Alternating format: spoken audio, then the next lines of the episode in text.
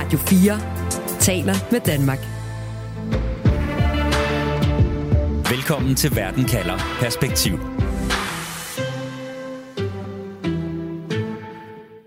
Mens tyrkiske familier sov, revnede jorden under dem. Bygninger blev malet til murbrokker, og flere tusinde mænd, kvinder og børn blev fanget i kollapsets klør. Det er nu tre dage siden, at jordskælvet ramte Tyrkiet, og ud af katastrofens støv vokser en vrede i den tyrkiske befolkning. En vrede over, at hjælpen ikke slår til. En vrede over, hvordan bygninger kunne forvandles til pandekager på få sekunder i et område, som er i fare for jordskælv. Derfor spørger jeg i dag, har Erdogan et medansvar for katastrofen i Tyrkiet? Jeg hedder Stine Krohmann Dragsted. Velkommen til Verden kalder, hvor jeg stiller et spørgsmål, og på 30 minutter giver dig et svar. Du lytter til Radio 4. Og vi starter i et af de værst ramte områder i Tyrkiet, hvor TV2-journalist Martin Selsø Sørensen befinder sig, og hvor folk her efter tre dage stadig kæmper en kamp mod tiden for at finde overlevende. Vi talte med ham lidt tidligere, mens han havde forbindelse. I området her er der blevet fundet folk i live. Øh, I går aftes blev der hævet en øh, 8 måneder gammel baby ud her i, øh, i Hatay-provinsen, og øh, rundt omkring i katastrofeområdet er der også i dag fundet overlevende. Og det er ofte op til folk selv at grave deres kager fri. Sagen er jo, at det stadigvæk i katastrofeområdet er, er rednings- og bjergningsarbejdet meget drevet af civile. Altså, der, der er ikke nok øh, indsats fra staten til at dække et behov. Øh, så meget er det drevet af civile, og deres indsats er jo drevet af de følelser, de har øh, for de mennesker, de mangler. Og de bliver jo ved, indtil de får en afklaring. De vil jo have et svar på, hvad der er sket med deres øh, familiemedlemmer, deres naboer måske, øh, og så vil de sørge for en ordentlig begravelse, hvis de finder dem døde. Så de bliver ligesom ved, fornemmer jeg, indtil at de har et afklaring. Sådan fortæller altså TV2-journalist Martin Selsø Sørensen, som befinder sig i nogle af de værst ramte områder i Tyrkiet, hvor du også er med fra nu, Karolina Camille. Velkommen til Verden kalder. Tak for det. Du er mellemøstkorrespondent for Berlingske med fra Istanbul i Tyrkiet. Karolina, hvor stort et omfang er den her katastrofe i Tyrkiet? jeg, jeg tror slet ikke, man kan, man kan overvurdere, hvor, hvor stor katastrofen er. Den har ramt 10 regioner, øh, hvor der bor 13 millioner mennesker, et kæmpemæssigt område, men i virkeligheden så påvirker den øh, mindst 20 millioner, altså en fjerdedel af Tyrkiets øh, befolkning, fordi folk jo har øh, familier, og folk er afhængige af indkomst af, af, personer, der bor der. Der er erklæret øh, en uges øh, national øh, landesorg, i den her uge er børnene hjemme fra skole. I næste uge kommer børnene også til at være hjemme fra skole, altså i hele landet. Så det her er noget, der påvirker selvfølgelig i særdeleshed øh, de 10 regioner og 13 millioner mennesker, der bor der, men som er en, en, en kæmpe national tragedie for, for hele landet, som kommer til at have øh, gigantiske øh, eftervirkninger økonomisk, menneskeligt i måneder fra nu af, og hvis ikke år. Og når vi taler menneskeliv, så meldes det altså over 16.000 som er døde efter jordskælvet her torsdag eftermiddag. Det oplyser Tyrkiets præsident Erdogan ifølge avisen The Guardian. Og lige nu der vokser den her vrede altså over indsatsen for at hjælpe offrene og de overlevende, at den ikke har været tilstrækkelig. Og det her spørgsmål om, hvordan man overhovedet bedst håndterer katastrofer, det ved du en masse om, Rico Kongsager. Du er lektor i katastrofe og risikomanagement ved Københavns Universitet. Velkommen til. Tak for det. Rico, når sådan en katastrofe her rammer, hvor afgørende er indsatsen efter øh, katastrofen ramt så for at begrænse antallet af døde? Ja, det øh, kan man jo sige noget ud fra de tidligere hændelser, man har, har kigget på. Det man øh, typisk ser i sådan nogle oprydningssituationer, som vi er i nu, øhm, og inden øh, vi kommer til oprydningssituationen, jamen så har vi det her, hvor vi har search and rescue, altså vi leder efter folk, og det er det, man er i gang med i øjeblikket. Hvis man kigger på Haiti-ulykken i 2010, jamen så brugte øh, 1800 nødhjælpsfolk eller search and rescue folk, de brugte øh, mange, mange dage på at finde 132 mennesker. Det kostede 80 millioner øh, danske kroner, eller cirka lidt mere end en halv million per øh, person, de, de hæver op her. Øh, og det kan man så sige, det er selvfølgelig ikke ret meget i forhold til, hvor mange der, der nu døde i den her ulykke i Haiti, og det vil nok heller ikke være her det har nok nærmere en meget, meget stor betydning i forhold til den øh, helingsproces, der foregår efter, at man faktisk har været med til at hjælpe. Øh, så i selve dødstallet øh, vil ikke bringes ret meget ned i forhold til dem, man får reddet ud her. Mm. Det drejer sig måske om 100-200 ud af de her 20-30.000 i den her øh, katastrofe. Rico, nu er det over tre dage siden, at jordskælvet ramte, og, og som du siger, så er redningsarbejdet stadig i gang, øh, selvom det vindue, der er for at finde overlevende, det, det lukker sig. Hvad er det vigtigste, Tyrkiet kan gøre lige nu for at håndtere den katastrofeopgave, som jo fortsætter, også efter de umiddelbare redningsarbejder? Ja, selvfølgelig skal man blive ved med at søge efter dem her i Haiti. Der fandt man nogle overlevende helt efter 11 dage, så man skal selvfølgelig fortsætte den her proces, som er meget, meget også vigtig for det psykosociale øh, arbejde, der vil være efter det her. Men selvfølgelig er fokus jo, som, som det også er sagt her, at, at det er måske op mod 20-25 millioner i det område, der er direkte berørt. Så meget fokus skal selvfølgelig være på dem. Øh, de står uden øh, tag over hovedet, de står uden noget at spise øh, og så videre. Og, og det er jo dem, man skal tage sig af. Man vil få mange øh, følgevirkninger og, og mange øh, indirekte dødsfald i en senere proces, hvis man ikke klarer den her proces lige efter ulykken, øh, efter katastrofen på en, øh, på en ordentlig måde. Lad os lige høre fra Martin Selsø Sørensen, som altså befinder sig i et af de her ramte områder, hvad de mennesker, han har talt med, hvad de synes om, om indsatsen. Altså, vi har mødt mange øh, vrede og rasende øh, mennesker. Øh, vi stod øh, her i Skinderen i går, og der var en, en kvinde, som savnede sin øh, søster og niæse, og som blev ved med at sige, hvor er staten, hvor er staten, hvor er staten? Øh, fordi hun, hendes udvikling var, at der havde været nogen fra de statslige myndigheder og konstatere, at der ikke var noget for dem at gøre øh, ved den boligblok, hvor hun stod og ventede, og de var så taget videre. Og det var hun selvfølgelig rasende over, fordi hun var investeret øh, i, øh, i det der. Øh, vi har andre, der siger, øh, Tyrkiet sender redningsmandskaber, når der tingene går galt i Afrika og i Mellemøsten og sådan noget. Og hvor er de henne, når der sker noget i Tyrkiet?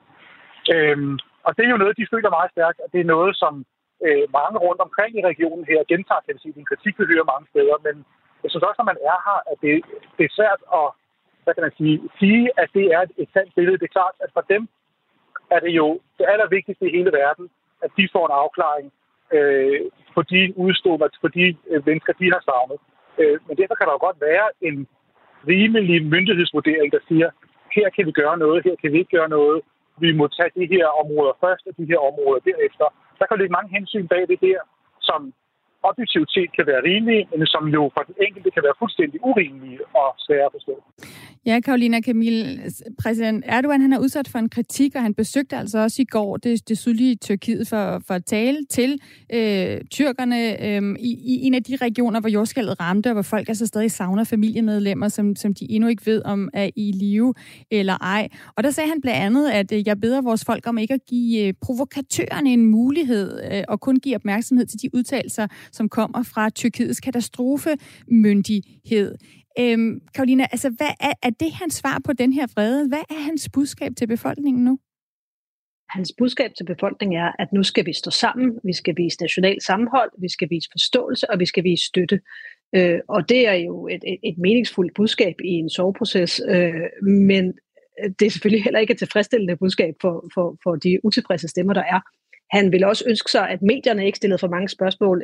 I virkeligheden ville han helst have, at alle bare øh, takkede og bakkede op om, om, øh, om indsatsen.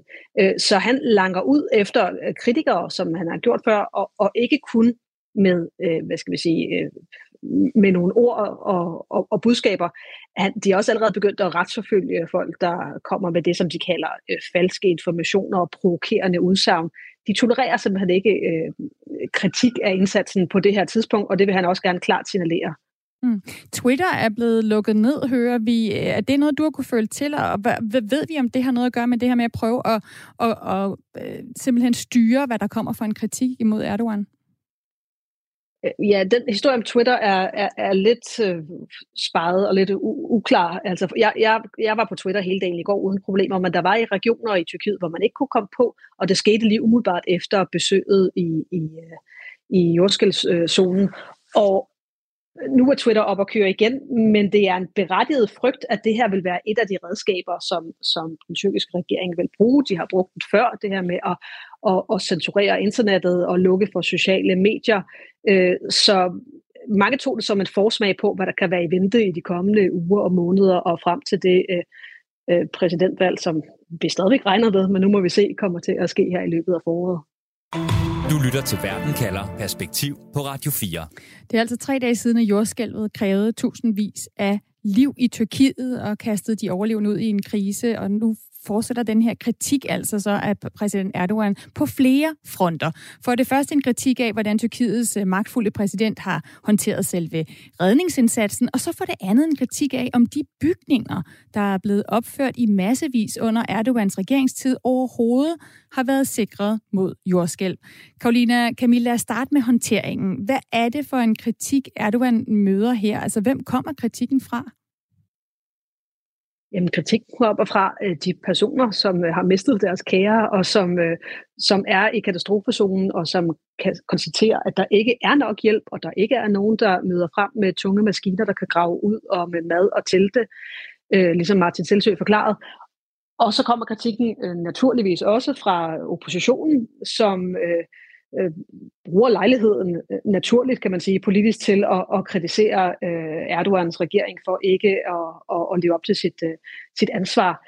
Øh, der er mange borgere, der især hæfter sig ved, at man i 25 år siden det seneste store jordskæld, der var i Tyrkiet i 1999, har betalt en såkaldt jordskældsskat, som alle jo regnede med gik til en eller anden øh, katastrofefond, som så vil blive aktiveret og vil være fuld af penge, når der rent faktisk så skete et jordskæld.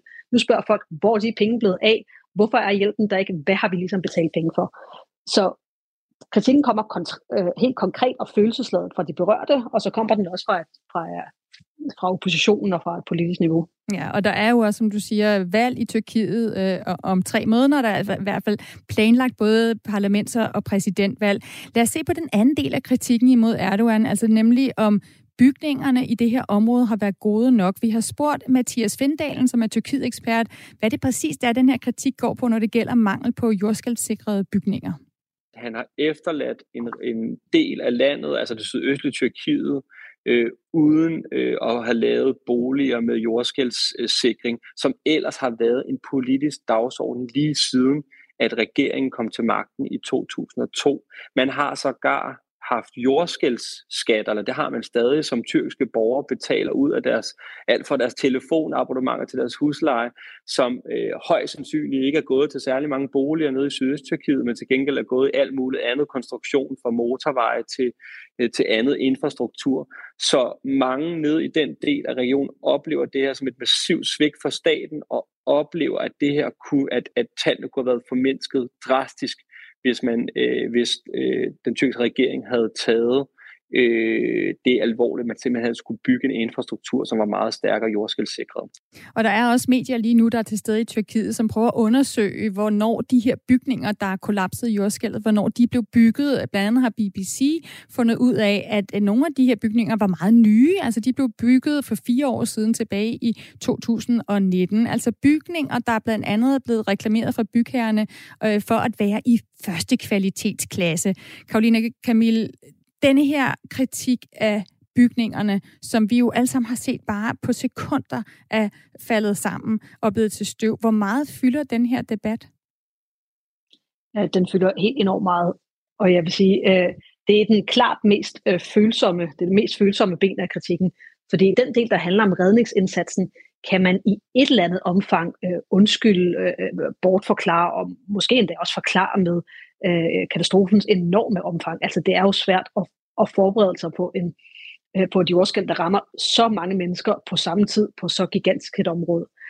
Men folk dør jo ikke af jordskældet, de dør af at, at blive klemt inde i kollapsede bygninger, og det er jo der, hvor den anden del af kritikken er så svær for, for regeringen at undslippe. De har siddet ved magten i 20 år, øh, Erdogan kom i, i stort omfang, mener analytikere, til, øh, til magten i sin tid øh, på det politiske efterskæld fra det, det andet jordskæld, som skete i, i 99, øh, hvor oppositionspartiet øh, øh, dengang var ved magten, og ikke traf de nødvendige foranstaltninger og fik en masse kritik for, for øh, manglende sikkerheds- og byggeregulativer. Så det var noget af det, han lovede at gøre bedre, og der har jo været ganske lang tid til at gøre det, og nu fortalte øh, Pindalen her om, om Sydøst-Tyrkiet, der er blevet øh, der er blevet glemt eller ikke er blevet prioriteret. Men problemerne med den dårlige boligmasse strækker sig faktisk til hele landet, og også i Istanbul. Altså man vurderer, at op til 70-80 procent af de bygninger, der bliver bygget, faktisk ikke øh, vil være i stand til at modstå et jordskæld. Så det er et kæmpemæssigt problem over hele Tyrkiet. Øh, og, og der vil være et, der kommer til at være et langt efterspil, og også et retligt efterspil øh, på det her. Du talte lige før om den her jordskældskat, som Mathias også nævnte. Ved vi, hvor de penge er gået til, hvis de ikke er gået til at sikre bygninger? Vi ved ikke præcis, hvor de penge er gået til, men vi ved, at de nok er gået ind i den normale øh, øh hvad skal vi sige, øh, drift. Og, øh, en, en rigtig stor del af, af, af Erdogans claim to fame, eller hans succes, i hvert fald de første øh, 10-15 år af hans magtperiode, var, at han er lykkes med at løfte øh, Tyrkiet fra at være et, et fattigt, øh, måske ikke uland, men lad os sige, et, et, et, et fattigt simpelt land til at komme, til at komme ind i sådan øh, den moderne øh, teknologiske tidsalder og løftede middelklassen op i, i sådan okay økonomiske vilkår. Og den vigtigste nøgle og hovedkraft for den her økonomiske udvikling har været byggesektoren. Man har finansieret i stort omfang offentlige anlægsinvesteringer. Man har givet øh, entreprenører muligheder for at, at, at bygge og bygge og bygge. Og det har været med til at sikre vækst i Tyrkiet, men bagsiden af det, eller prisen, har været, siger kritikere, at det kan godt være, at man har vedtaget nogle regulativer, som skulle sikre, at, at, at hvad hedder det, boligerne var, var bedre jordskældsikrede end tidligere, men implementeringen og håndhævelsen af de her love har altså ikke rigtig fulgt med. Måske fordi at, at det vigtigste har været øh, at sikre den økonomiske vækst i første omgang. Radio 4 taler med Danmark. Det er altså ikke første gang, at Tyrkiet bliver ramt af et jordskæld, som Karoline også lige fortalte. Det blev de også i 1999. Et jordskæld, som faktisk var med til at hjælpe Erdogan til magten, fordi den daværende regering netop blev kritiseret for at håndtere den her, det her sikrings- og redningsarbejde i forbindelse med jordskælvet dengang meget dårligt. Og nu sidder Erdogan sig selv ved magten. Han ser frem mod et valg, og nu er kritikken så vendt mod ham. Rico Kong sagde, hvis vi kigger på jordskælvssikringen, hvor godt er Tyrkiet så forberedt? Ved vi det? Det ved vi ikke så meget om, men vi kan jo se på billederne, at der er nogle af husene, der står tilbage, så nogle af husene har jo været sikret. Og øh, det er jo ikke tilfældigheder. Hvis man kigger lidt på, hvordan et øh, jordskælvssikring kan laves, så kan vi forestille os lidt, at, at, at et hus kan stilles op på nogle store skumfiduser, så det ikke modtager de her rystelser fra, fra underlaget. Man kan også lave konstruktioner, så det ikke øh, kollapser, så det altså så selve etagerne ikke falder sammen oven på hinanden. Og det er tit der, folk de bliver, bliver dræbt ved, at de bliver mast under hinanden. Hmm. Hvis du skal sammenligne med, med andre lande, der også kan være i fare for jordskæld, hvor, hvor, hvor godt sikret er Tyrkiet så? Ja, hvis vi skal tage det, de, de gode eksempler, så kan man tage Japan, der også tit udsættes for det her, og der havde man et større øh, jordskælv i 78. Og der fik man en ny øh, lov i 81. Man havde mange love siden øh, da om, hvordan standarden skulle være. Men i 81, der kom den, den, den der også er i kraft i dag og er blevet forbedret siden. Og cirka 70-80 procent af de bygninger i dag, de lever op til den her, den her standard. Og de har kunne sådan, øh, holde de fleste af de her øh, jordskælvstangen, der har været siden. Øh, man har for eksempel haft nogle, et jordskælv, meget kraftigt jordskælv, lignende det her i 95, var kun 0,3 af bygningerne, der var bygget efter 81-standarden, blev ramt. De bygninger, der ikke var bygget efter den her standard, der var næsten 10 procent, der faldt. Så der er 28 gange større sandsynlighed for, at dit hus det kollapsede, hvis det var bygget efter en forældet, øh, standard. Så helt konkret, hvis der var flere rigtigt jordskælvsikrede bygninger i Tyrkiet, da det her jordskælv ramte, så ville der også være færre, der var styrtet i grus? Ja, det er der ingen tvivl om. Rico, vi taler jo altså om et jordskæld på over syv på Richterskalaen. Øh, kan man ikke godt sige, at, at der også er noget med, at det er svært overhovedet at være forberedt på det her som land?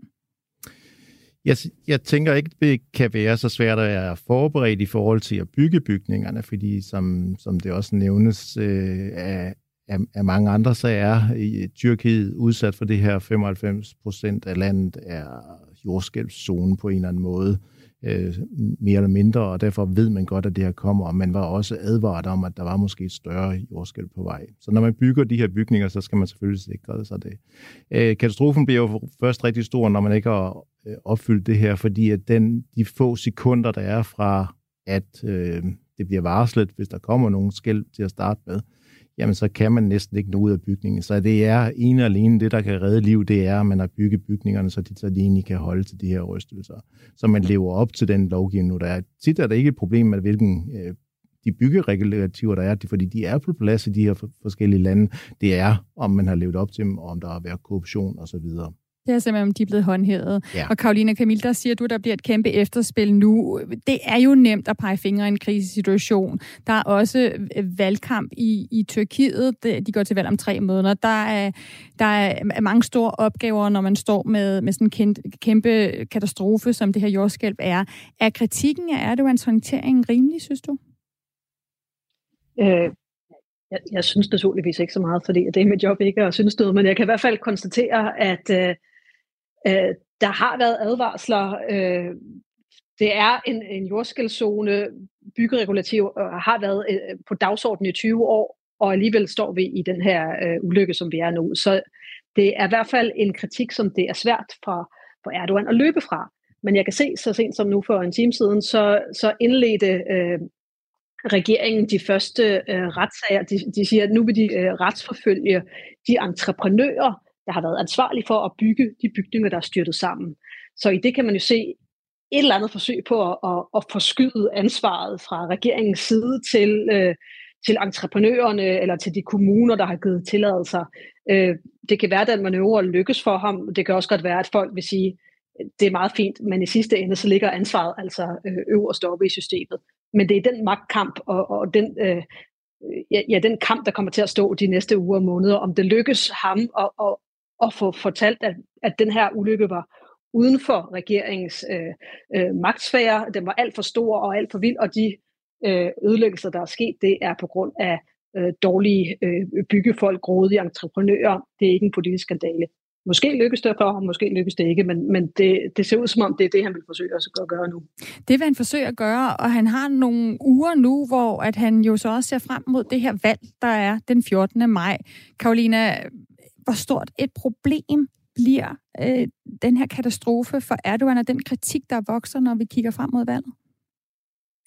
Jamen, det er, et, det er et stort problem for ham. I forvejen, så, han har jo siddet temmelig komfortabel på magten i de sidste 20 år, og det her valg så ud til at blive det sværeste for ham på grund af en, en dyb økonomisk krise, som har skabt, øh, skabt enorm øh, utilfredshed også i hans vælgerbase. Nu kommer den her katastrofe, hvor, hvor både redningsindsatsen og også det, det efterspil, der kommer økonomisk og humanitært de næste uger og måneder, vil blive grænsket. Øh, så det er en kæmpe øh, udfordring for ham. Øh, når jeg er lidt øh, forsigtig med at, at, at lægge ham i graven øh, nødvendigvis af den grund, så skyldes det øh, to ting. Dels så øh, har han jo lige erklæret landet i, i undtagelsestilstand, og det er i sidste ende ham, der bestemmer, hvornår det der valg skal være. Der er allerede begyndt at være rygter om, at det kan blive udskudt. Lad os se. Og den anden ting er, at der er ikke nogen rigtig attraktiv øh, oppositionskandidat, der kan samle og som har samme tiltrækningskraft øh, i befolkningen. Og når jeg taler med tyrkere, så er de vrede, de er frustrerede, de er kede af det. Men der er ikke en, en sådan dybfølt følelse af, at det her ville have været markant anderledes, hvis det var oppositionen, der var ved magten. Og så længe de ikke stiller op med en kandidat, der kan matche ledermæssigt, øh, retorisk og sådan landsfadermæssigt øh, Erdogan, så tror jeg stadigvæk, selv efter den her katastrofe, hvor tusind, tusindvis af mennesker kommer til at dø, at det bliver svært for dem at vente ham af vinden. Lytter til Radio 4. Mens mennesker altså stadig reddes ud af resterne af deres hjem, så er kritikken altså for alvor begyndt at blive udtalt mod landets præsident Erdogan. Nye bygninger, der er bræst sammen, en stat, der ikke slår til, når det gælder allermest. Vi har gået kritikken i Tyrkiet igennem, og øh, nu kan jeg godt tænke mig at få et svar på det spørgsmål, jeg startede med at stille. Altså, har Erdogan et medansvar for katastrofen i Tyrkiet? Rico, hvis du skal tage dine øh, katastrofe- og risikomanagement-briller på, hvordan vil du så svare på det her spørgsmål? Jamen, det vil man nok sige, at myndighederne har et stort ansvar her. 79 procent af, de, øh, af Tyrkiet er sårbare over for jordskælv, og øh, det fremgår i en rapport, der var lavet til parlamentet faktisk i 21, at øh, 6,7 millioner af de her bo- af boliger, der er opført øh, før 2000 og 2000, de havde brug for jordskælvssikring. Øh, men de skrev så også sjovt nok i rapporten, at myndighederne næppe vil afsætte øh, de nødvendige midler øh, til, at, til at gøre det her. Og Karoline øh, Camille, Erdogan et medansvar for katastrofen i Tyrkiet. Hvad er dit svar? Han har jo siddet ved magten i 20 år. Han er landets øh, øverste chef og, og i sidste ende ansvarlig både for, for redningsindsatsen og for, øh, for byggesektoren. Så øh, i, i den forstand, så, så kan man ikke øh, løbe fra ansvaret. Hvilke konsekvenser det så vil få i sidste ende, det må tiden så vise. Tusind tak for den analyse, Karolina Camille, altså Mellemøst korrespondent for Berlingske, og også tak til dig, Rico Kongsager, lektor i katastrofe og risikomanagement ved Københavns Universitet. Vi spurgte også øh, TV2-journalist Martin Selsø, hvad han vil svare på spørgsmålet, om Erdogan har et medansvar for katastrofen i Tyrkiet. Jeg synes, at han har været politisk leder i 20 år, og været en så magtfuld politisk leder. Han har jo ligesom gjort Tyrkiets succes til sin succes. Han har ligesom taget ansvaret for alt det, der er gået godt, og alt det, der er gjort i Tyrkiet, alle de beslutninger, der er truffet. Så kan man jo ikke sige, når sådan noget her sker, og meget af det, som meget af den tragedie, som nu, øh, vi nu ser udspille sig, øh, og øh, kommer til at se de kommende uger, når, øh, når øh, folk skal genhuses og, og skal genopbygges og sådan noget, så kan man jo ikke sige, at det så ikke er hans ansvar. Det er også hans ansvar. Øhm, og det er også hans, altså man kan sige, katastrofeberedskabet er der også en del kritik af. Man har fået et meget bedre katastrofeberedskab, end man havde for 20 år siden. Men når man ser på tallene, kan man også se, at der bliver brugt mange flere penge på at bygge moskéer og lave øh, religiøse gymnasieuddannelser og sådan noget, end øh, der bliver brugt på katastrofeberedskabet. Kunne man have lavet en anden prioritering der? Ja, det kunne man muligvis godt. Det er jo sådan en politisk øh, afvejning selvfølgelig, hvor man vil lægge indsatsen. Og så synes jeg også, det er jo, man kan sige, det er jo også et betydeligt samfundsansvar. Altså, hvis man, hvis man accepterer, at man ikke følger reglerne, hvis man accepterer, at man ikke øh, lytter til fagfolk og eksperter og bruger det, de investeringer, det kræver at bygge sikkert og sådan, ikke? Altså, så, så sker jo sådan nogle ting som her. Så når man jo også som samfund insisterer på, at reglerne bliver fuldt. Sådan sagde altså Martin Selsø Sørensen, som er udsendt af TV2 til netop nogle af de her hårdest ramte områder i Tyrkiet. Og uanset hvad der sker, så husk at du kan få svar på et afgørende spørgsmål her i Verden kalder med mig, Stine Krohmann Dragsted. Vi sender live hver mandag og torsdag først en halv time om en aktuel sag i Verden kalder, og dernæst får du 30 minutters Verden kalder perspektiv, hvor vi sætter et spørgsmål om verden ind i en større sammenhæng og giver dig svar.